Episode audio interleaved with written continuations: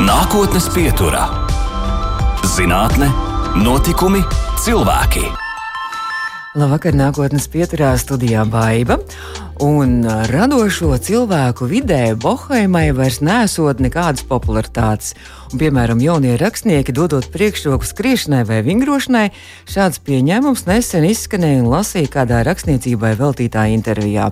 Vai tiešām iedzīvotāji ikdienas maršrutos aizvien biežāk tiek iekļauts sporta zāle, bet pirmo nepieciešamības preču sarakstā kēdes, un no kā tas ir atkarīgs? Gribas, apziņas, modes vai naudas, arī par lielo sportu, vai tas ir veselīgs vai gluži pretēji veselības bojātājs un kas tur ir noteicošais talants, neatlaidība, uzvarēt kāri, politika vai arī tomēr nauda.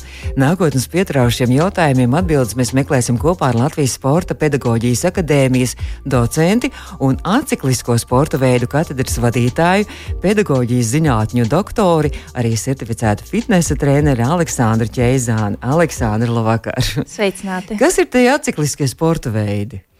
Tie ir tie sporta veidi, kuros netiek atkārtots konkrēts noteikts cikls. Tātad kustības ir daudzveidīgas un dažādas.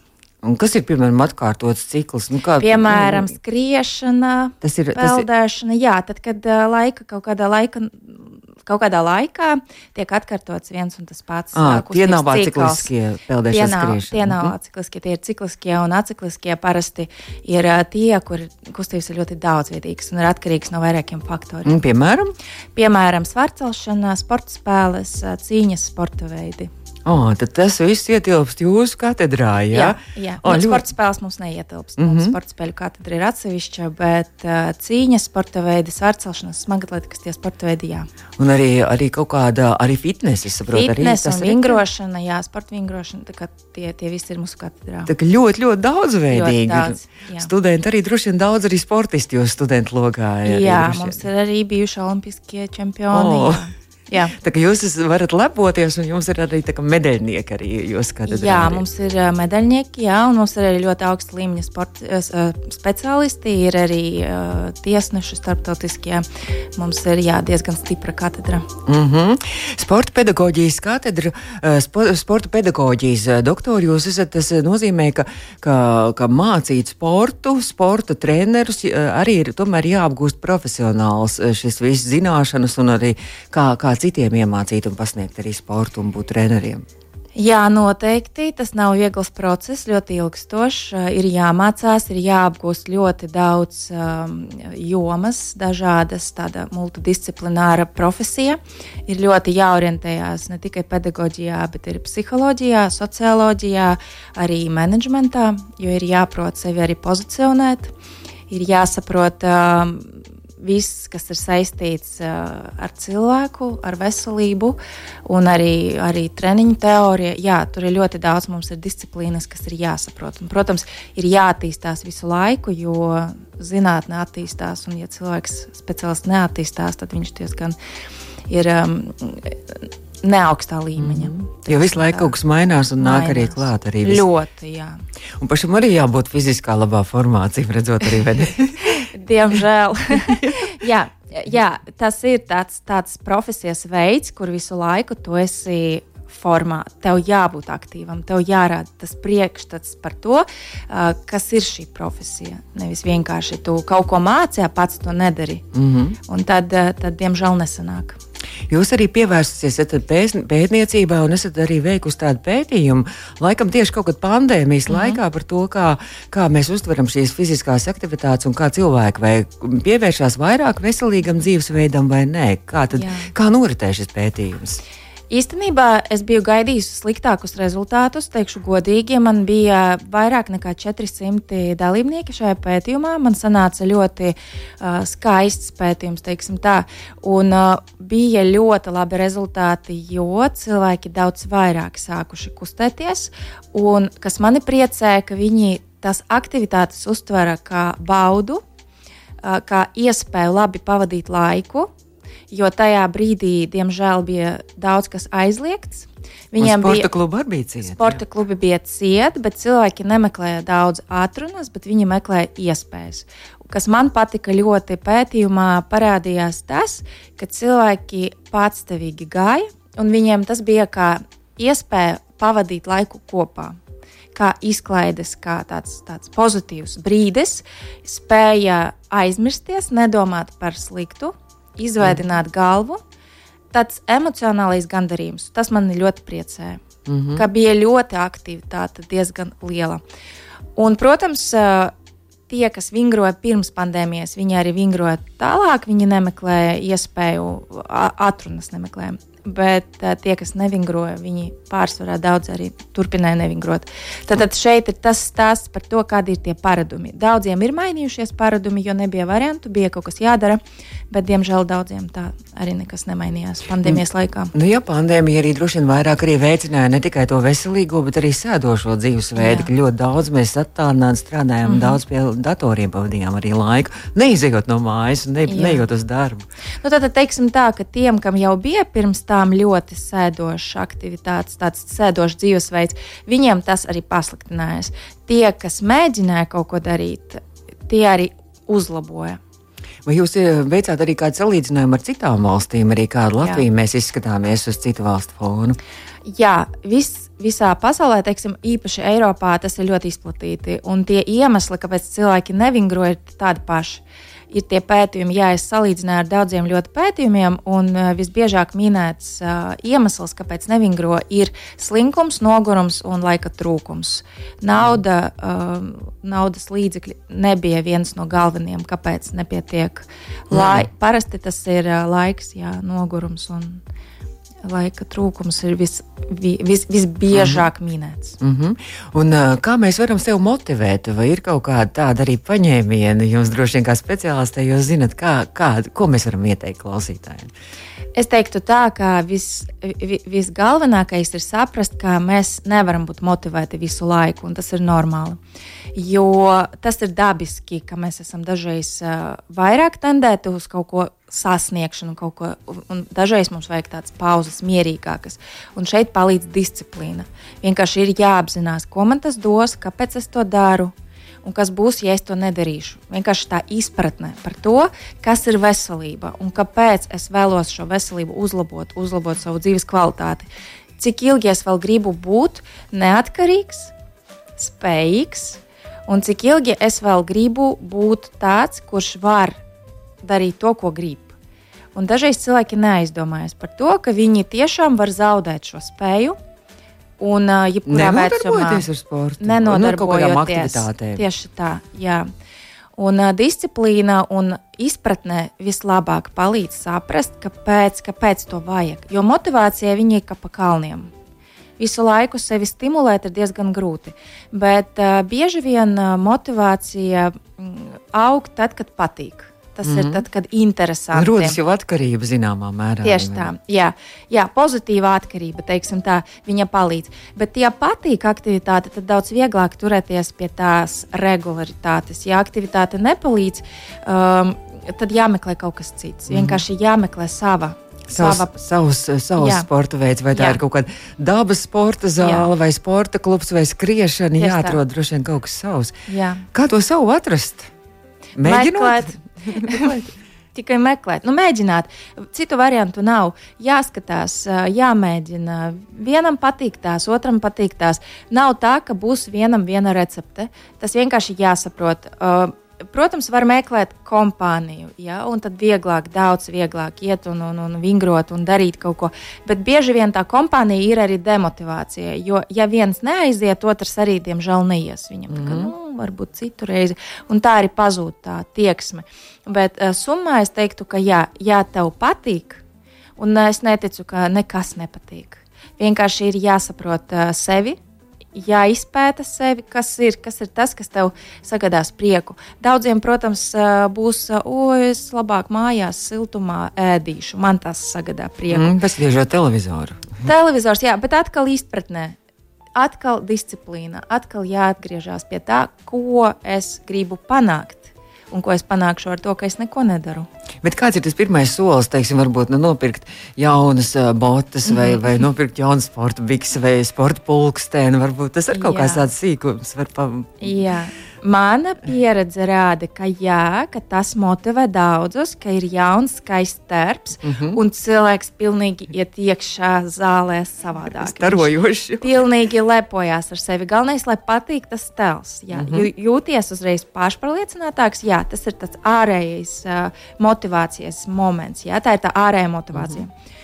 Lūk, un, un, un, protams, var meklēt arī speciālistu, kas palīdzēs, kas patiks ļoti. Pirmkārt, kā cilvēks, otrkārt, kā speciālists labs, un tad viņš arī spēs izmotivēt, spēs palīdzēt turēties pie tās regularitātes. Draugi arī, kā jau teicu, tas ir ārējais tāds faktors, kas var motivēt. Protams, mērķis ja, ir jāsaprot, ko tu vēlies ar to panākt. Ja ir mērķis, ir daudz vieglāk fokus. Mm -hmm. Kā tu, kādi varētu būt tie mērķi, piemēram, uzkāpt bez aizsāšanās piektajā stāvā? Kāds varētu būt tas tāds, kaut kādiem mazākiem mērķiem? Vēl? Nerunāsim par lieliem sasniegumiem. Jā, īstenībā tas ir labs komentārs par mazāko mērķi. Bieži vien mums ir problēma, ka mēs visu un uzreiz vēlamies. Un mēs uzstādām savu tādu mērķi, ko mēs nevaram panākt, vai mums pietrūkst tā motivācija, enerģija. Ja? Mēs zaudējam to motivāciju tieši dēļ tā, ka tas ir par daudz.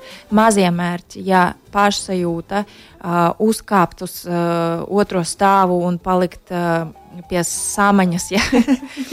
nu, tā, tādā veidā, kā, kā, kā kaut kāds pārgājiens ar bērniem, ļoti bieži bērni motivē, ka es gribu spēlēt ar saviem bērniem normālā kondīcijā, nevis tā, ka pēc piecām minūtēm es esmu gatavs izstāties no spēles, un bērni vēlās, ah, es neko nevaru. Es nevaru pieliekties, es nevaru viņus pacelt rokās, es nevaru izvest suni, es nevaru iemācīt saviem bērniem kaut ko.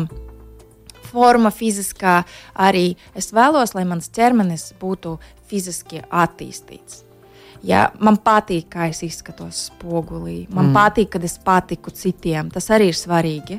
Kā ir ar to laimes hormonu vai, vai fiziskās aktivitātes arī kāda laimes hormona ražo, vai tā ir, tas ir mīts? Nē, tas nav mīts. Ir arī pētījums mums bijis. Uh, sporta zinātnes doktori tagad mums aizstāvēs doktora darbu uh, par, par endorfīniem. Uh, kā, kā izdalās endorfīni, kādās fiziskajās aktivitātēs. Uh, bija daudzveidīgas aktivitātes un, un, un bija pētījums. Nē, tas nav mīts, un tas tiešām ir.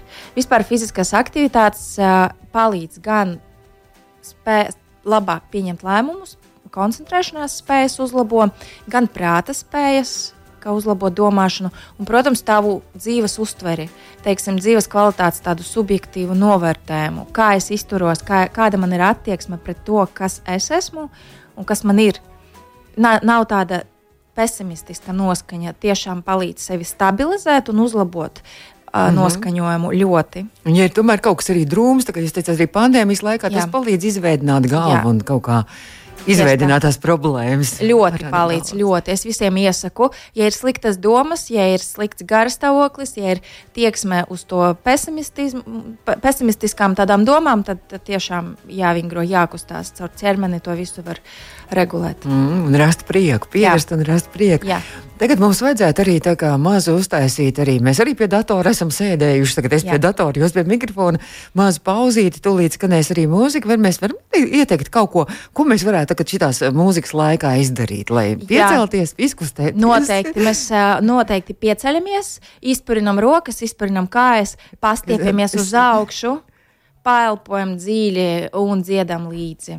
Tas ir ļoti svarīgi elpot. Mm -hmm. Un tad arī stāvam kājās šajā dziesmas kājās. laikā. Un jo? ne tikai stāvam, bet dejojam. Kustinam gurnus pa labi, pa kreisi. Un, un elpojam kārtīgi arī. Ja? Un elpojam kārtīgi. Nākotnes pieturā. Turpinām nākotnes pieturu, turpinām sarunu arī par veselīgu un arī tādu kustīgu dzīvesveidu. Latvijas Sporta pedagoģijas akadēmijas docente, atciklisko sporta veidu katedras vadītāja, pedagoģijas zinātņu doktore, arī certificēta fitnes trenere Aleksandra Čeizāna šobrīd ir mūsu nākotnes pieturas viešņa. Un jūs arī, Aleksandra, vadat arī studentu, arī zinātnisku pētnieciskos arī darbus. Nu, kā tās tēmas populārās jums ir? Šobrīd ļoti aktuālas tēmas ir tas, kas ir pielietojamas praksē. Studentiem ļoti aktuāli ir tas, ka viņi kā topošie treneri, kā topošie sporta speciālisti, viņi varēs šīs zināšanas un šīs metodas, visu, ko viņi ir izpētījuši, pielietot.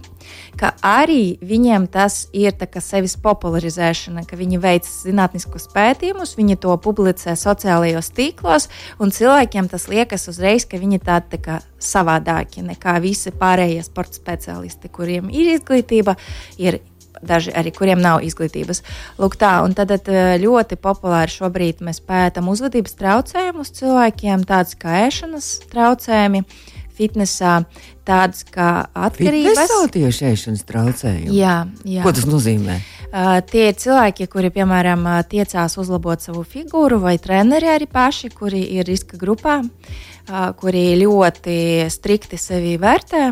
Viņi tiešām ļoti sevi ierobežo. Ah, diētas dažādas. Dažādas diētas un arī dažādas pārāk liela tieksme pēc veselīga uztura.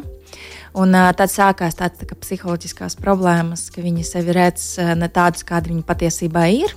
Viņi sāk sevi ļoti uh, dresēt, rupi mm. runājot. Tad, tad uh, tas tēmas, kas tiešām ir ļoti interesants par, par, par aizliegtām vielām uh, fitnesa klubos, uh, un, un, un tas, kas ir ļoti populāri visā pasaulē, bet Latvijā, diemžēl, par to tiek runāts ļoti maz. Sporta uzturs kaut kāds speciālais, ja tur kaut kādi mikšļi un, un, un dzērieni. Ja? Sporta uzturs, teiksim, kaut kādā konkrētā uh, līmenī viņš ir jau neaizvietojams, bet uh, tas, ka viņu lieto tie cilvēki, kuriem tas nav jābūt, uh, mm. visa tā speciāla. Ar kaut kādiem proteīniem un tādiem, jā? Jā, tas ir vienkārši tāds, tāds naudas jautājums, ka daudz cilvēki viņi ne, ne, neliet tā kā pilnvērtīgi, bet viņi pērk visādi veidi mm. speciālu uzturu.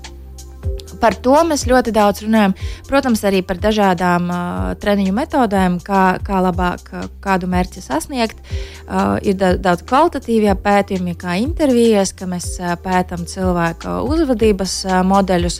Uh, motivāciju ļoti daudz pēta mm -hmm. šobrīd, gan treneru motivāciju, kā motivēt sevi neizdegt kā sevi audzēt, dažādas komunikācijas spējas. Tad, tad ļoti, ļoti daudzveidīgas tēmas, bet galvenokārt tas, kas ir pielietojamās. Es skatījos, arī bija par, par online treniņiem. Arī bija arī šāds arī pētījums. Arī, ja? Jā. Kā ir ar tiem online treniņiem? Jūs arī pati vadat arī online treniņus. Jā. Kas tur ir vērtīgs un labs, un savukārt, kas varbūt nē? Uh, online galvenokārt uh, ir labs tas, ka tas ir ērti, tas ir ekonomiski, Un, uh, tas ir ļoti teiksim, cilvēkiem, kuriem patīk uh, ātri, ērti un lai nav apkārt uh, traucējošie faktori. Uh, tad uh, tie treniņu veidi ir ļoti šobrīd izplatīti. Un tad, kad sākās pandēmija, diemžēl mēs bijām spiesti pāriet online, mm. arī veicot zinātni. Daudziem studentiem, protams, bija ļoti liels stress, jo viņi nezināja, kā turpināt savus pētījumus. Bet uh, mēs atradām iespējas, jā, un mēs pārgājām online. Uh, teikšu tā, ka tas nedara, šis formāts nedara visiem. Un, protams, ne visiem pētījumiem, bet tiem, kam der, tiešām ļoti skaisti var sevi trenēt un, un, un palikt fiziski aktīvam.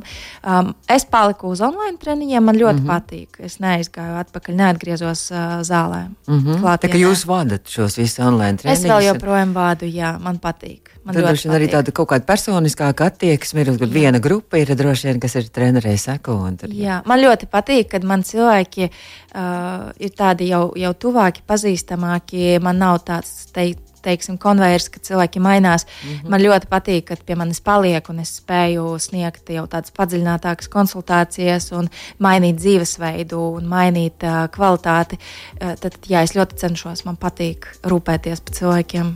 Tad jau tas tā kā tāds klubiņš izveidojās, kā tāda draugu jau gan Jā, man ir klubs uh, online, un jā, mums ir ļoti, ļoti skaistas uh, tādas tos attiecības, un, un, un man ir arī tādas online programmas.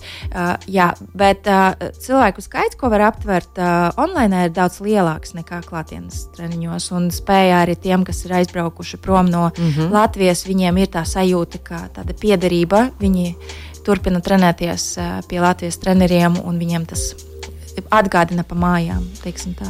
Oh, tāpat kā mēs Latvijas Rādio 2 viņi klausās, Jā. arī, un arī viņi jūtās kā mājās Jā, kaut kur. Arī protams. tas pats arī ar treneriem. Bet eh, runājot par treneru, vispār sagatavotību arī šajos, piemēram, sporta klubos un daudzās arī nodarbībās, kas arī varbūt online parādās. Eh, kā ir ar to profesionālitāti? Un, un, un, eh, nu, jau ir, ir izskanējis daudz vietu arī šur tur, kā, kā ir treneri, kas nav pietiekoši kvalificēti certificēti, un arī kaut kā certifikāti viņi ir iegūši, viņi pasniedz nodarbības. Jā, tā ir ļoti uh, nopietna tēma. Uh, ļoti rūpīgi jāizvēlās savs speciālists, ir jābūt tiešām atbildīgam pašam par savu veselību, jo ļoti daudz cilvēki, kuriem zināšanas trūkst, ļoti trūkst. Uh, daudzi treneri mācās no citām sociālām vietnēm, piemēram, no YouTube Jā, no vienkārši citiem, iemācās. Vienkārši ja? paskatās, kas mm -hmm. tur notiek, nokupē un vada to pašu bez kaut kādas individuālas pieejas, nepielāgojot absolūti neko. Daudz treneri pat nezina, no kā sastāv treniņš. Daudz treneri pat neprot uh, nekādas uh, treniņu metodas līdzekļus nepārzina. Tad, tad, jā, tā ir ļoti liela problēma. Gan es arī iesildīšanās, atsildīšanās, jā. tur ļoti daudz sastāvdaļām ir jābūt. Daudziem, jā. daudziem iesildīšanās sākās ar tādu vingrinājumu kā uh, jumping jacks, jā, uzreiz lec, uzreiz bjorpī, uzreiz nokrita, atspiedies, tad pielicies, um, uzbļauj, pagriezies, nokriti no tā, ka tu uh, kājas savas vairs nejūti. Tas ir um, Tas ir uh, traģiski mm -hmm. īstenībā. Tāpēc es ļoti aicinu cilvēkus domāt līdzi, kad viņi izvēlās savus speciālistus un nebojāt savu veselību. Bet kā var iegūt šādu nu, treneru certifikātu? Pat vispār, kas varbūt cilvēki ar sportu nav nodarbojušies. Viņi vienkārši samācās kaut Jā. kur un dabū certifikātu. Jā, mums ir tāda C kategorija, kur tu. Uh, vienkārši aizēji, tu nokārto teoretiskās, uh, teoretiskās? teoretiskās lekcijas, ir uh, nokārto eksāmenu, te, teoretisko uh, un, un, un, un, un dabū certifikātu. Jā, nu, nav tur, pašam tur ir, jāprot, tur viss nu, patiesībā da, dažreiz pat nav pašam īsti nekas jāprot. Jā, diemžēl. Bet tad, tomēr tas jau daudz tā, šādi treniņi var sabojāt. Sabojāt vispār arī prieku, sportot, un, un, un, un cilvēkam arī daudz ko veselībai sabojāt.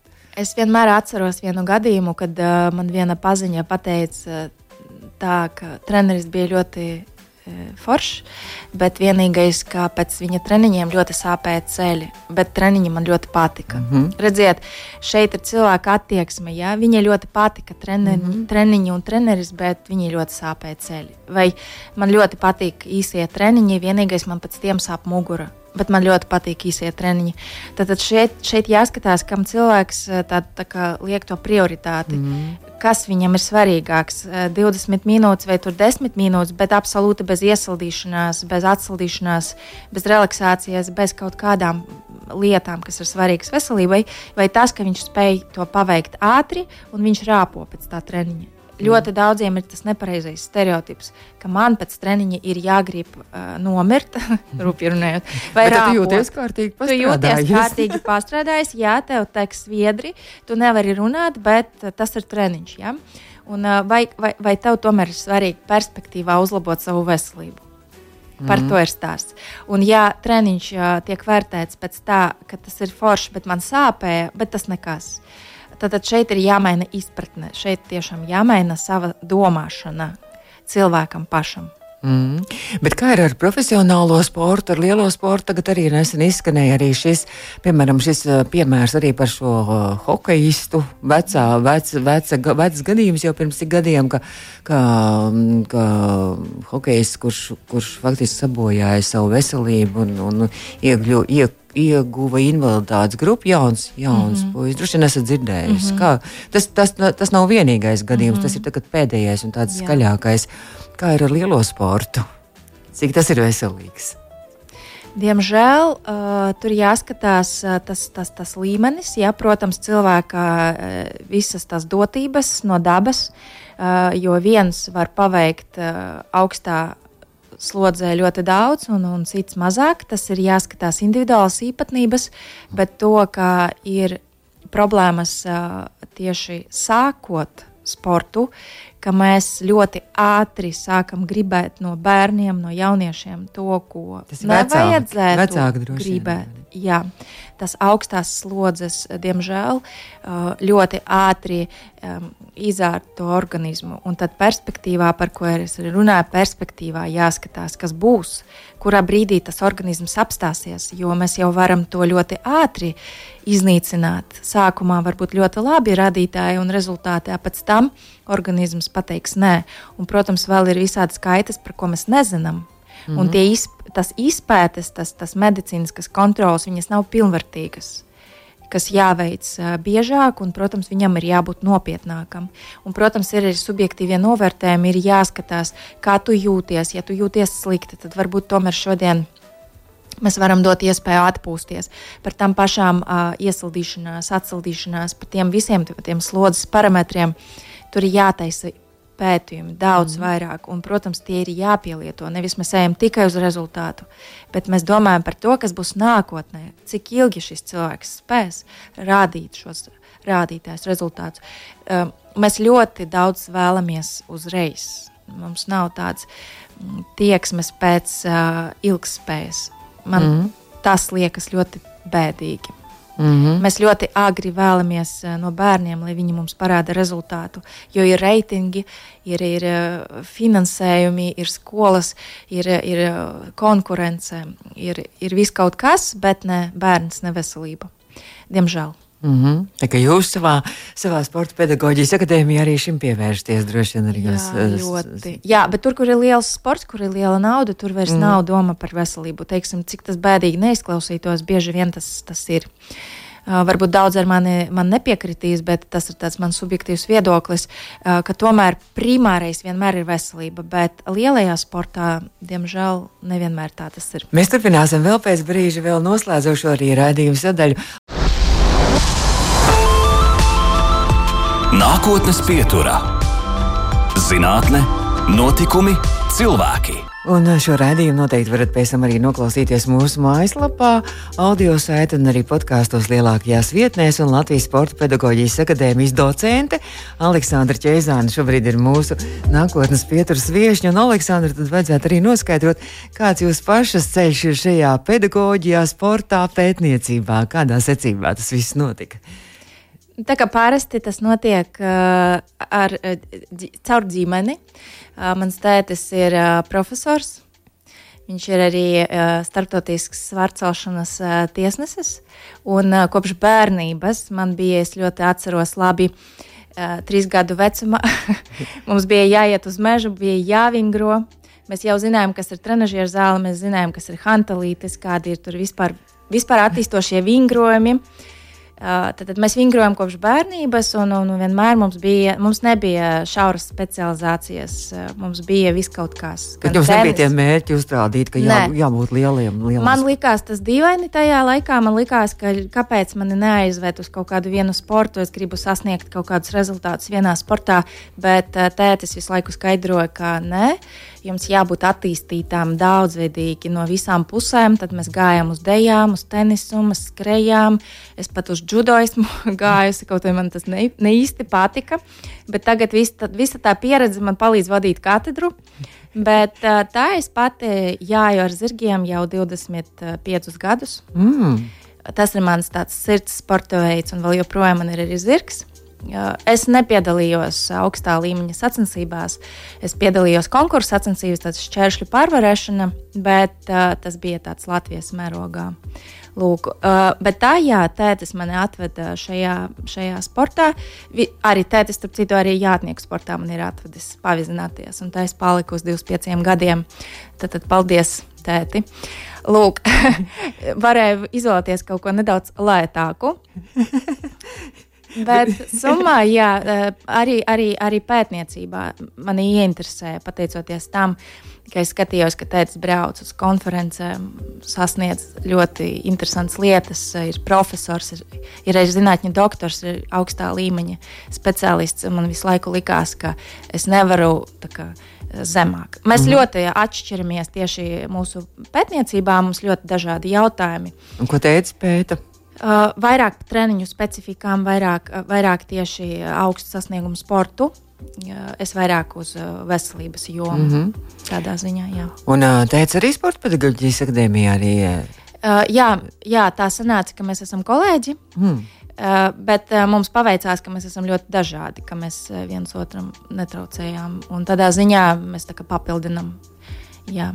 Tētis joprojām arī ar uh, profesionālo sportu pats arī nodarbojas? Uh, nē, vairs nē. Uh, tagad tiesnesis uh, starptautiskais, bet uh, vēl joprojām vada praktiskās nodarbības un teoretiskās un, un pētniecisko darbu veids un arī vada doktora darbus. Uh, jā, tā kā mm -hmm. mēs esam kolēģi. Te jūs tāda sportiska ģimene esat.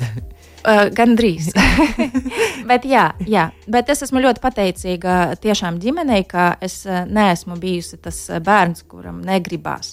Man rādīja ar piemēru, man bija ļoti interesanti.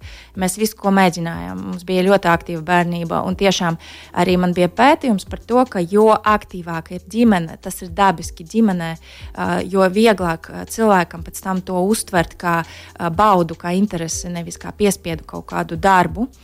Protams, te nevajag arī pārforsēt, jo ir arī pretējs grāvis, kad pat daudz grib no bērna, viņš pēc tam ļoti pretojās, kad ir pieaudzis cilvēks. Mm -hmm. Lūk, un, un šeit bija tiešām tas līdzsvars, ka mums, mums negribās no tā bēgt, bet mēs to darām, jo tas ir dabiski mums. Jā. Ko mēs klausītājiem vēl varam ieteikt, vēl raidījuma izskaņā, nu, piemēram, tuvojas brīvdienas, ziema, jau tur sniegs, ar, ar ko, ko darīt? Uh, slēpot, varbūt sākt ar vienkāršu staigāšanu, un, um, svaiga gaisa elpošanu, ko mums arī pandēmijā, starp citu, mācīja. Arī. Jā, staigāšana pamatā vienmēr. Es ieteiktu tiešām būt aktīvākiem, vairāk iet svaigā gaisā, vairāk staigāt. Es neiesaku noteikti sākt skriet uzreiz bez uh, sagatavotības vai uh, kāpt uz kalna ar dēli, ja tev nav sagatavotības. Mm -hmm. Labāk staigāt, baudīt, piknikus taisīt biežāk svaigā gaisā, pārgājienos iet. Tad, tad rekreācija tāda, lai ir vairāk. Mēs neparunājām, protams, arī, ka droši vien, ka viss pie visa pie, pieder arī veselīgs uzturs, mēs drusku parunājām par šiem sporta speciālajiem uzturiem. Mm -hmm. Bet, uh, nu, droši vien arī tas, tas arī vēl veselīgam dzīvesveidam, kas vēl tāds būtisks ir uh, uh, uh, kustības, uzturs. Un miegs, kvalitatīva atpūta kvalitatīva atpūta, tas aktivitātes, ko jūs veiciet ikdienā, nedrīkst aizmirst par to, ka jums ir jāatpūšas.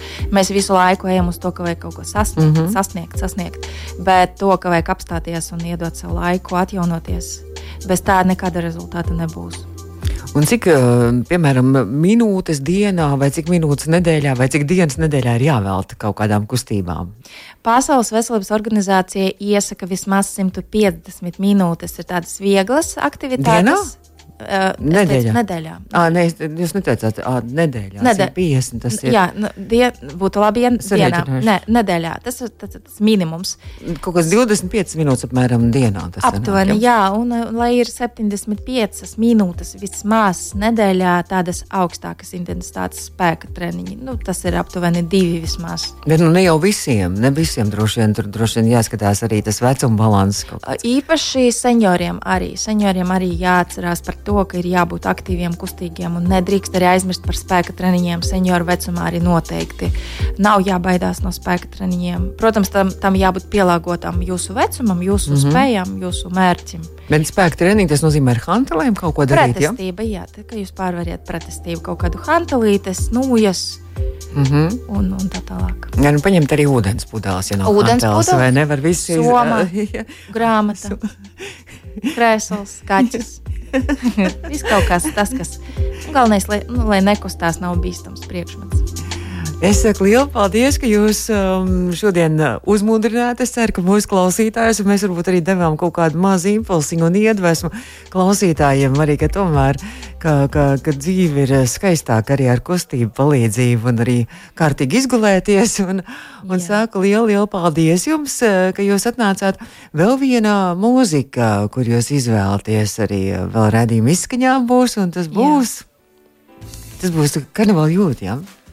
Jā, tas ir jā, tā kā, tā kā, lai visiem ir skaista uh, klausīšanās, pieceļamies, vēlreiz izkustamies. Paldies, ka uzaicinājāt. Izpurinam rokas, jā, kas jā, tur bija. Jā, izpurinam rokas, izpurinam kājas, pasmējamies, paelpojam, pasmaidam. Un no, izstiepjamies kārtīgi. Jā, pastiepties vai kārtīgi, jo biežāk, jo labāk. Un tad arī pēc tam kārtīgi arī jā, atceramies arī par miegu un izguļamies. Un apguļamies uzreiz pēc tam, jā. Jo mazāk sēžam, jo labāk. Saku lielu paldies. Un uh, šodien mums studijā viesojās Latvijas Sporta pedagoģijas akadēmijas docente, aciklisko sporta veidu katedras vadītāja, pedagoģijas zinātņu doktora, arī certificēta fitnesa trenere Aleksandra Čeizāne. Izskan nākotnes pieturā.